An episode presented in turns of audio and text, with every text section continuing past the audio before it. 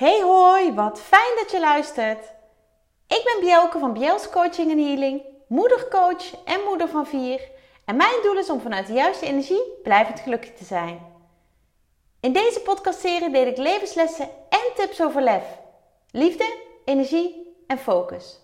Zodat ook jij als moeder binnenkort beter en zonder schuldgevoel voor jezelf kunt kiezen. Ben jij klaar voor? Luister mee! Hey, lieve jij. Wat ontzettend fijn dat jij luistert naar mijn podcast Overlef en dan in het bijzonder deze aflevering. Want voor mij gaat deze aflevering heel bijzonder worden. Heel bijzonder zijn. Ik ga namelijk ja, echt wel mijn gevoel delen, maar ook mijn kwetsbaarheid delen. Deze week is het namelijk drie jaar geleden dat wij vanuit het niks onze ergste nachtmerrie instapten.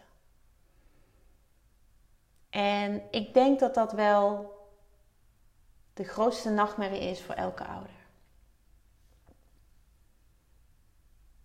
En die nachtmerrie, hè, daar ben ik heel open over. Um, en daar deel ik regelmatig over. Want zoals je in de vorige podcastaflevering hebt kunnen horen, delen helpt helen. En dat geldt hierbij zeker ook. Um, drie jaar geleden braken na slechts 26 weken zwangerschap mijn vliezen spontaan. En dat was heel vreemd ja, ja, vreemd. Want bij de andere zwangerschappen hebben ze ehm, in het ziekenhuis de vliezen moeten breken. Dat ging niet van nature. En dit keer dus wel. En de reden dat ik dit met jou deel in deze aflevering is omdat ik het belangrijk vind dat jij hoort, maar zeker dat jij voelt en ervaart dat hoe donker de wolken ook zijn op dit moment in jouw leven, dat hoe ehm, ja, hoe zwaar het ook is, dat er lichtpuntjes zijn. En dat wonderen bestaan. En dat heb ik aan de lijve mogen ondervinden. En dat is nu al drie jaar geleden. Maar het voelt nog steeds als de dag van gisteren. Er zullen in deze aflevering ook de nodige tranen vloeien vanuit mij, want ook al is het al drie jaar geleden, het voelt ook nog steeds als pas drie jaar geleden. En wat ik met deze aflevering jou wil meegeven, is dat je mag blijven dromen, mag blijven hopen, mag blijven vertrouwen. Want dat is namelijk wat mij door deze gitzwarte periode heeft geholpen. En ik ben er heilig van overtuigd dat dat ook ons kleine meisje heeft helpen vechten, heeft helpen knokken, heeft helpen overleven. Daar ben ik ontzettend van overtuigd. En terwijl ik dit zeg, voel ik mijn hele lijf tintelen. En dat is voor mij het teken dat het, dat het zo is. Drie jaar geleden braken spontaan mijn vliezen. Dat was echt eh, op een maandagavond, na een hele actieve dag waarop ik zelf nog banen gezwommen had. Ehm, actief was geweest met de kinderen smiddags. Met de andere drie. Uh, twee, want op dat moment was, uh, was mijn bonuszoon niet bij ons. En ik was best wel een beetje moe. Ging naar bed. Samen met uh, mijn man. en ja. Draaide ons om. Hè, wat rusten. Slaap lekker. Lekker slapen. Nou, draaiden ons om en toen, uh, toen voelde ik het. Toen voelde ik het water langs mijn benen lopen. Ik zal niet uh, helemaal in details treden, maar het was zo'n onwerkelijk gevoel en zo'n onwerkelijk moment ook. Ik zie me nog liggen. Dat ik dacht, oké, okay, dat is gek. Ik had er namelijk geen controle over. En toen zei mijn gevoel meteen: dit is mis. Want hoe graag je ook wilt dat het dan op dat moment, uh, ja, ook, sorry, ik deel toch wat meer details, urine is. Maar ik kon het niet stoppen. Ik had er geen controle over. En het voelde gewoon heel anders. Dus nou ja, dan ben je uh, klaar wakker. Um, gaat van alles door je hoofd. Uh, ik wilde het proberen te stoppen, maar dat lukte niet. Dus toen heeft mijn man toch maar de uh, verloskundige gebeld waar wij uh, onder normale controle waren. Ehm, die was met vakantie. Toen hebben wij een vervangende verloskundige gekregen. Nou, die was er redelijk snel. En um, nog steeds denk je, en ik, dat is echt gewoon omdat je hoofd niet kan verklaren wat er gebeurt. Weet je, dit, dit gaat zo stoppen. Ik ben pas 26 weken zwanger. Dit is niet wat er nu moet gebeuren. En ik voelde onze kleine dame, en ik wist dat het een meisje zou zijn, uh, voelde ik heel actief bewegen. Uh, net zoals ik eigenlijk al die weken daarvoor had gevoeld. Dus voor mij was dat geen, ja, geen reden om me zorgen te maken. Maar mijn hart zei: Dit is niet goed. En de verloskundige kwam um, en bevestigde dit. Het was, het was vruchtwater, die bevestiging hadden we inmiddels. En ik moest uh, naar het ziekenhuis. En er was ook geen spoed.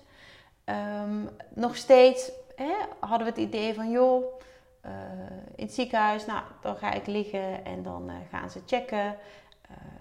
en dan, weet je, dan komt het wel goed, dan stopt het wel. Ze zijn in een eigen auto, oppas geregeld, um, in de eigen auto naar het ziekenhuis gegaan. En nou ja, daar aangekomen, het stopte niet. um, het werd alleen maar veel erger zelfs. En op een gegeven moment vroeg ik me af hoeveel vruchtwater heeft een vrouw eigenlijk tijdens de zwangerschap.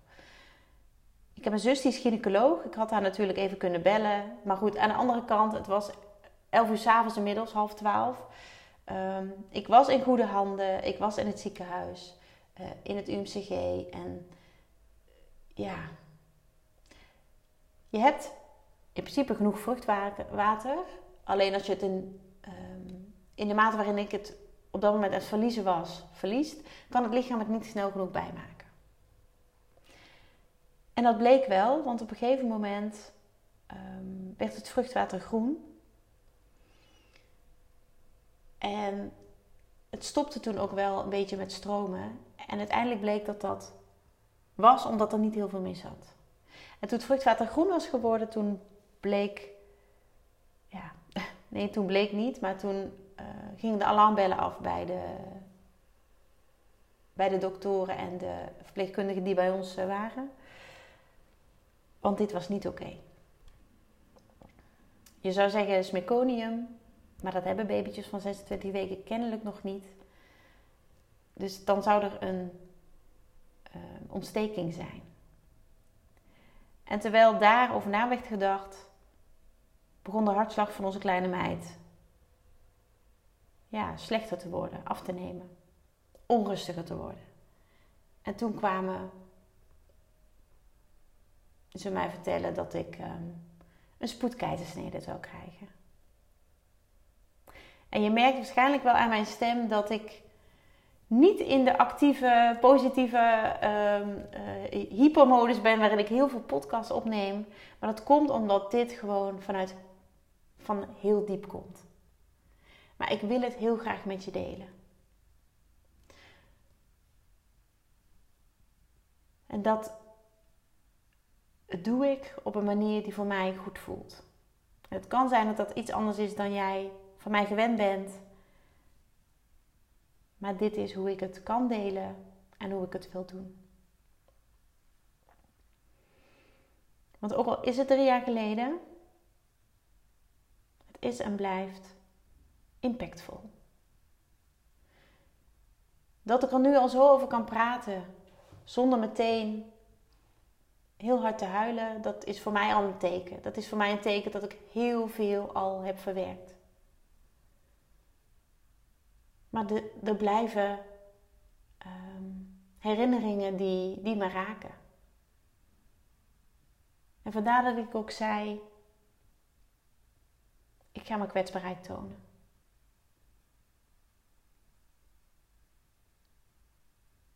En ik hoop dat ik daarmee ook het gevoel kan meegeven wat het met mij doet.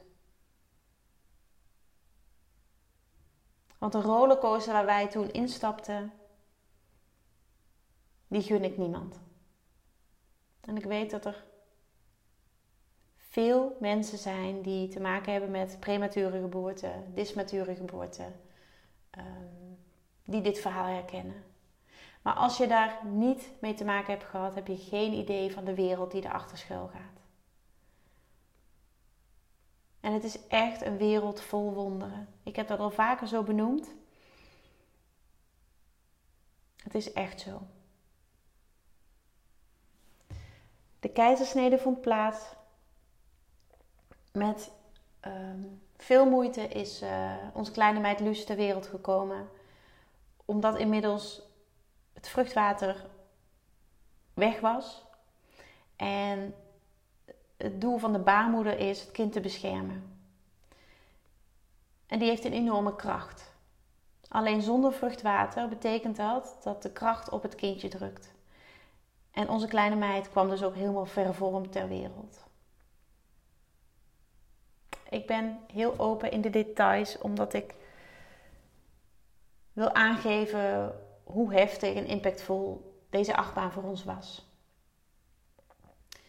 Inmiddels lag ik ehm, helemaal te trillen. Nou, ik kan best wel zeggen te schudden van adrenaline, van ehm, angst, van onzekerheid, van ja, ik, ik, het voelt nog steeds als een, als een slechte film die ik heb gezien. Het is niet helemaal scherp.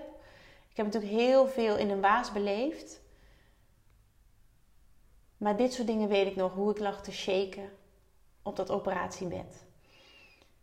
Ze kwam ter wereld, is meteen meegenomen. Ehm, mijn man Bart, die tot dat moment nog bij mij was, ehm, is met haar meegegaan. En ik lag daar. Natuurlijk niet alleen, want ik had eh, medisch personeel om me heen. Die ontzettend lief waren.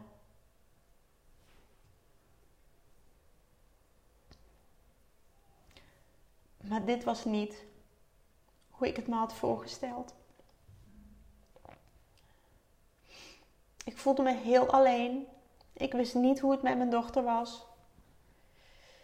Um, nou, de keizersnede werd, uh, werd afgerond. En ik ging naar de uitslaapkamer. Ik was inmiddels ook heel moe van alles wat er gebeurde. Um, het, was, het kostte veel energie. En het shaken was ook uh, nou, slopend voor mij. Ik ben in de uitslaapkamer gebracht. Daar heb ik, uh, ik heb geen idee hoe lang gelegen. Dus is om uh, eh, 11 voor 4 s'nachts geboren. Dus in de vroege ochtend. En 11 voor 4 is voor mij ook heel symbolisch. 11 is mijn spirituele getal, mijn geluksgetal. En um, vier is, dat staat natuurlijk symbool voor mij, voor ons klavertje vier, onze vier kinderen.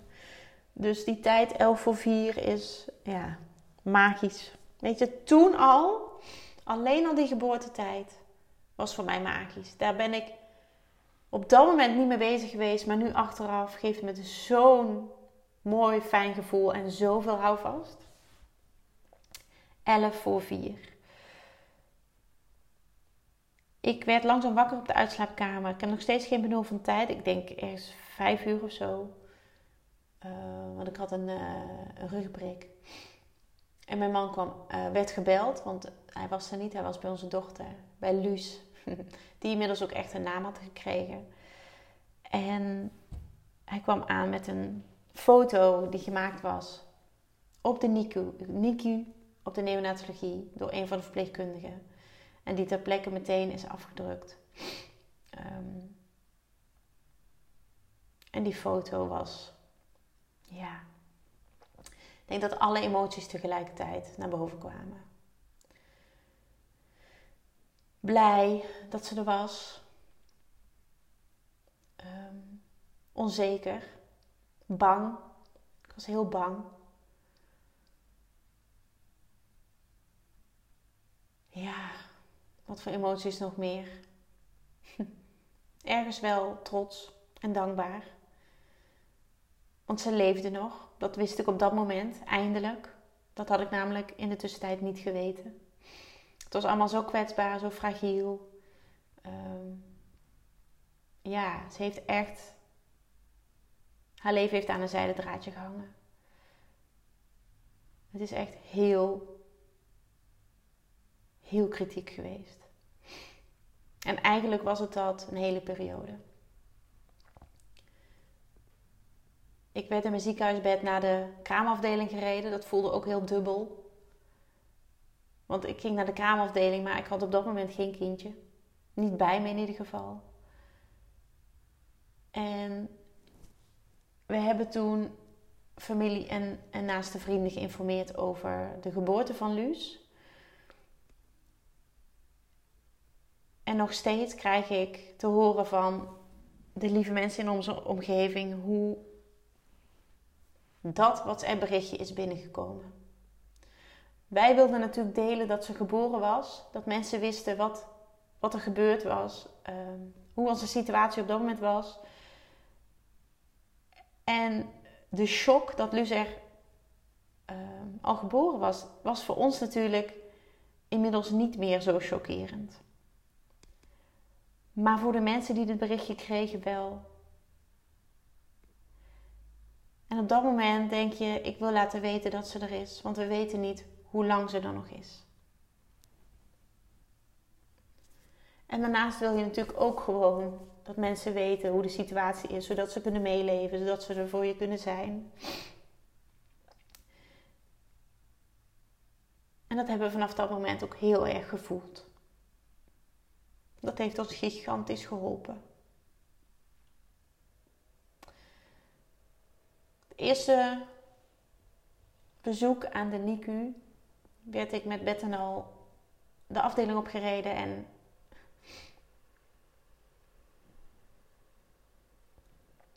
mocht ik naar, het laatste, naar de laatste couveuse die daar eh, op de afdeling was.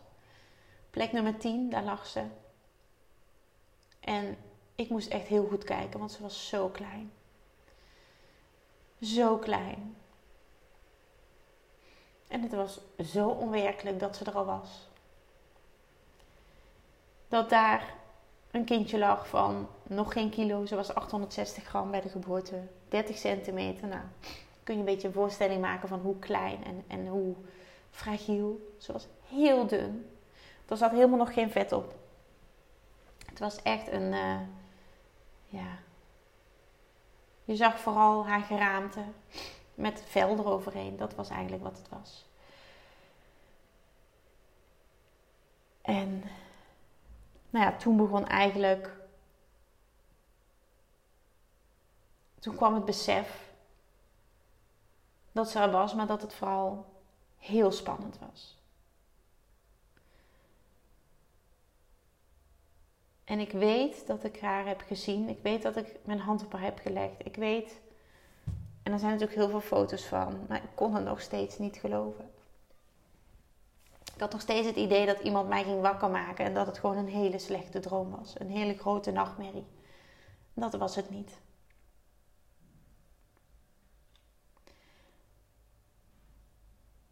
We hebben ontzettend veel downs gekend. Maar we hielden ons vast aan de minimale ups, de lichtpuntjes zoals ik ze graag noem. Want wij man en ik zijn allebei mensen die graag vanuit positiviteit in het leven staan. En dat wilden wij ook vasthouden. En hoe moeilijk dat af en toe was, omdat alle berichten over Luus vooral de andere kant op gingen. Um, ze de dag na haar geboorte drie hersenbloedingjes kreeg die ontzettend impactvol waren. Um, probeerden wij ons vast te houden aan de lichtpuntjes. En die met elkaar op onze eigen manier ook te vieren.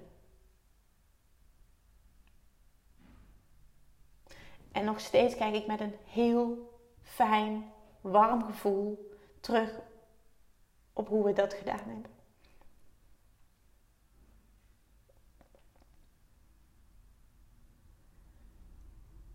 En we hebben er steeds ingestaan vanuit vertrouwen.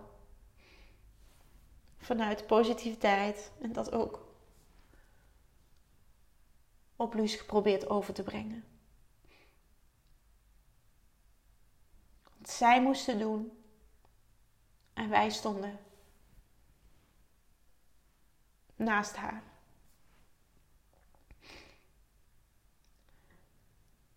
We hebben voor haar gezongen. We hebben geneuried. We hebben boekjes voorgelezen. We hebben met haar gepraat. We hebben alles gedaan wat binnen onze mogelijkheden was.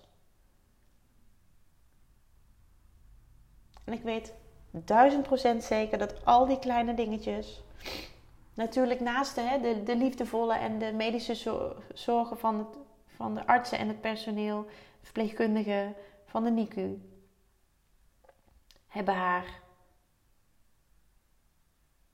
helpen knokken.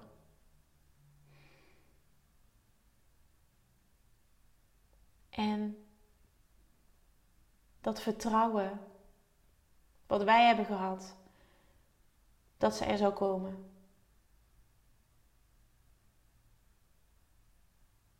Dat is gewoon waarheid geworden. Het is ons kleine wondertje. En wonderen bestaan. Dat denk ik niet alleen. Dat weet ik inmiddels zeker.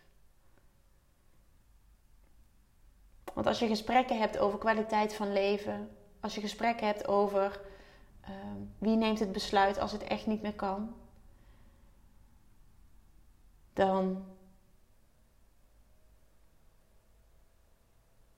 dan is alles wat het meisje laat zien een wonder.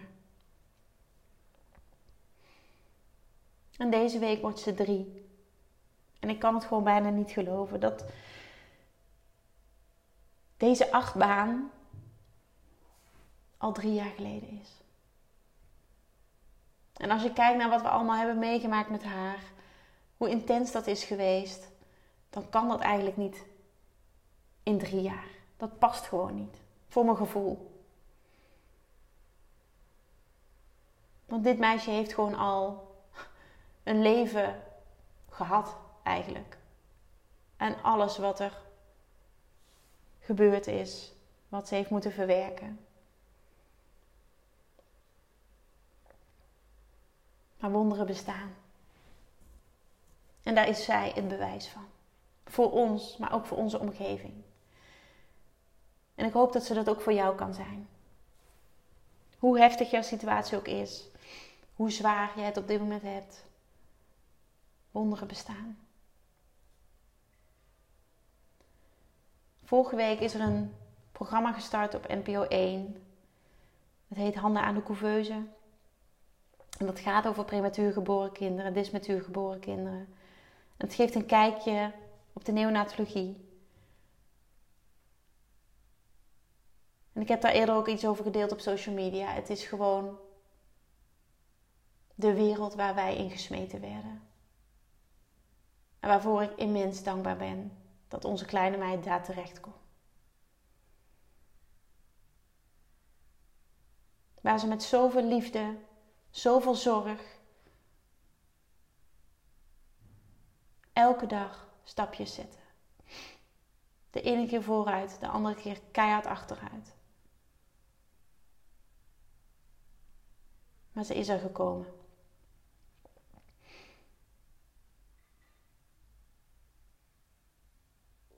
Als ik naar haar kijk, zie ik een vrolijk meisje.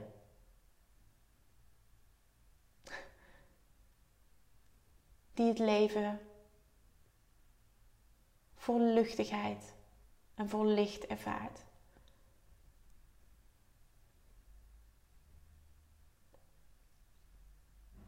En die de zwaarte al gehad heeft. Zo voelt het voor mij als moeder.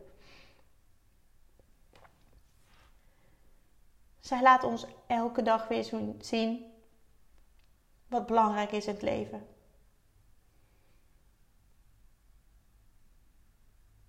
Zij laat elke dag zien dat je mag genieten. En dat er altijd en overal lichtpuntjes zijn.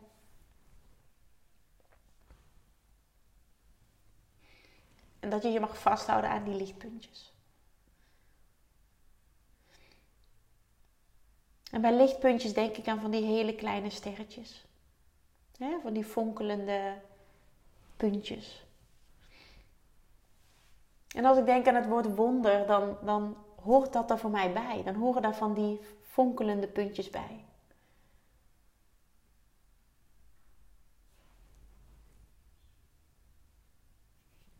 En die lichtpuntjes hebben we gezien. Hebben we gevoeld, hebben we gevierd.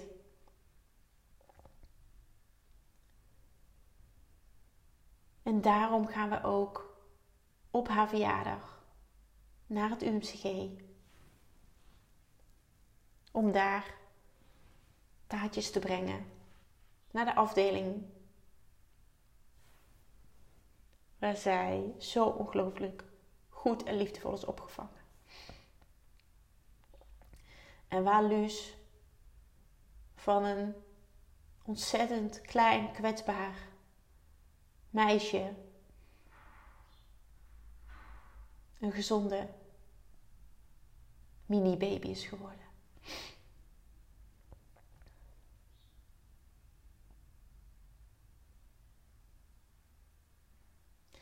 En het bezoek aan het UMCG om samen met haar een taartje te brengen, dat doen wij al nou, nu voor de derde keer. Dat is een mooie traditie die wij heel graag in ere willen houden. En ik heb geen idee hoe het gaat als ze ouder is. Ehm, maar dit is ook voor ons als ouders uh, een mooi moment. En mooi is misschien, ja, mooi is wel een woord, maar ook een bijzonder moment. Want zo maken we de cirkel weer rond. En nadat we taartjes hebben gebracht, gaan we een gebakje eten onder in, de, in het krancafé van het UMCG. En inmiddels kan ik de taartjes dan niet meer tellen. Die we daar hebben gegeten. Of met z'n tweeën. Of met allemaal. En het laatste twee jaar ook met Luce erbij. Vier het leven. Vier het leven. Want het is zo ontzettend mooi. En blijf hoop houden. Blijf vertrouwen hebben. Hoe zwart en zwaar het op dit moment misschien ook is. Of hoe onzeker sommige dingen lijken. Kijk naar de lichtpuntjes. Kijk naar wat er wel is. Kijk naar wat er wel kan. Ben dankbaar voor wat er lukt, wat er goed gaat. Voor wie je om je heen hebt. Bij wie je altijd terecht kunt. En onthoud dat wonderen bestaan.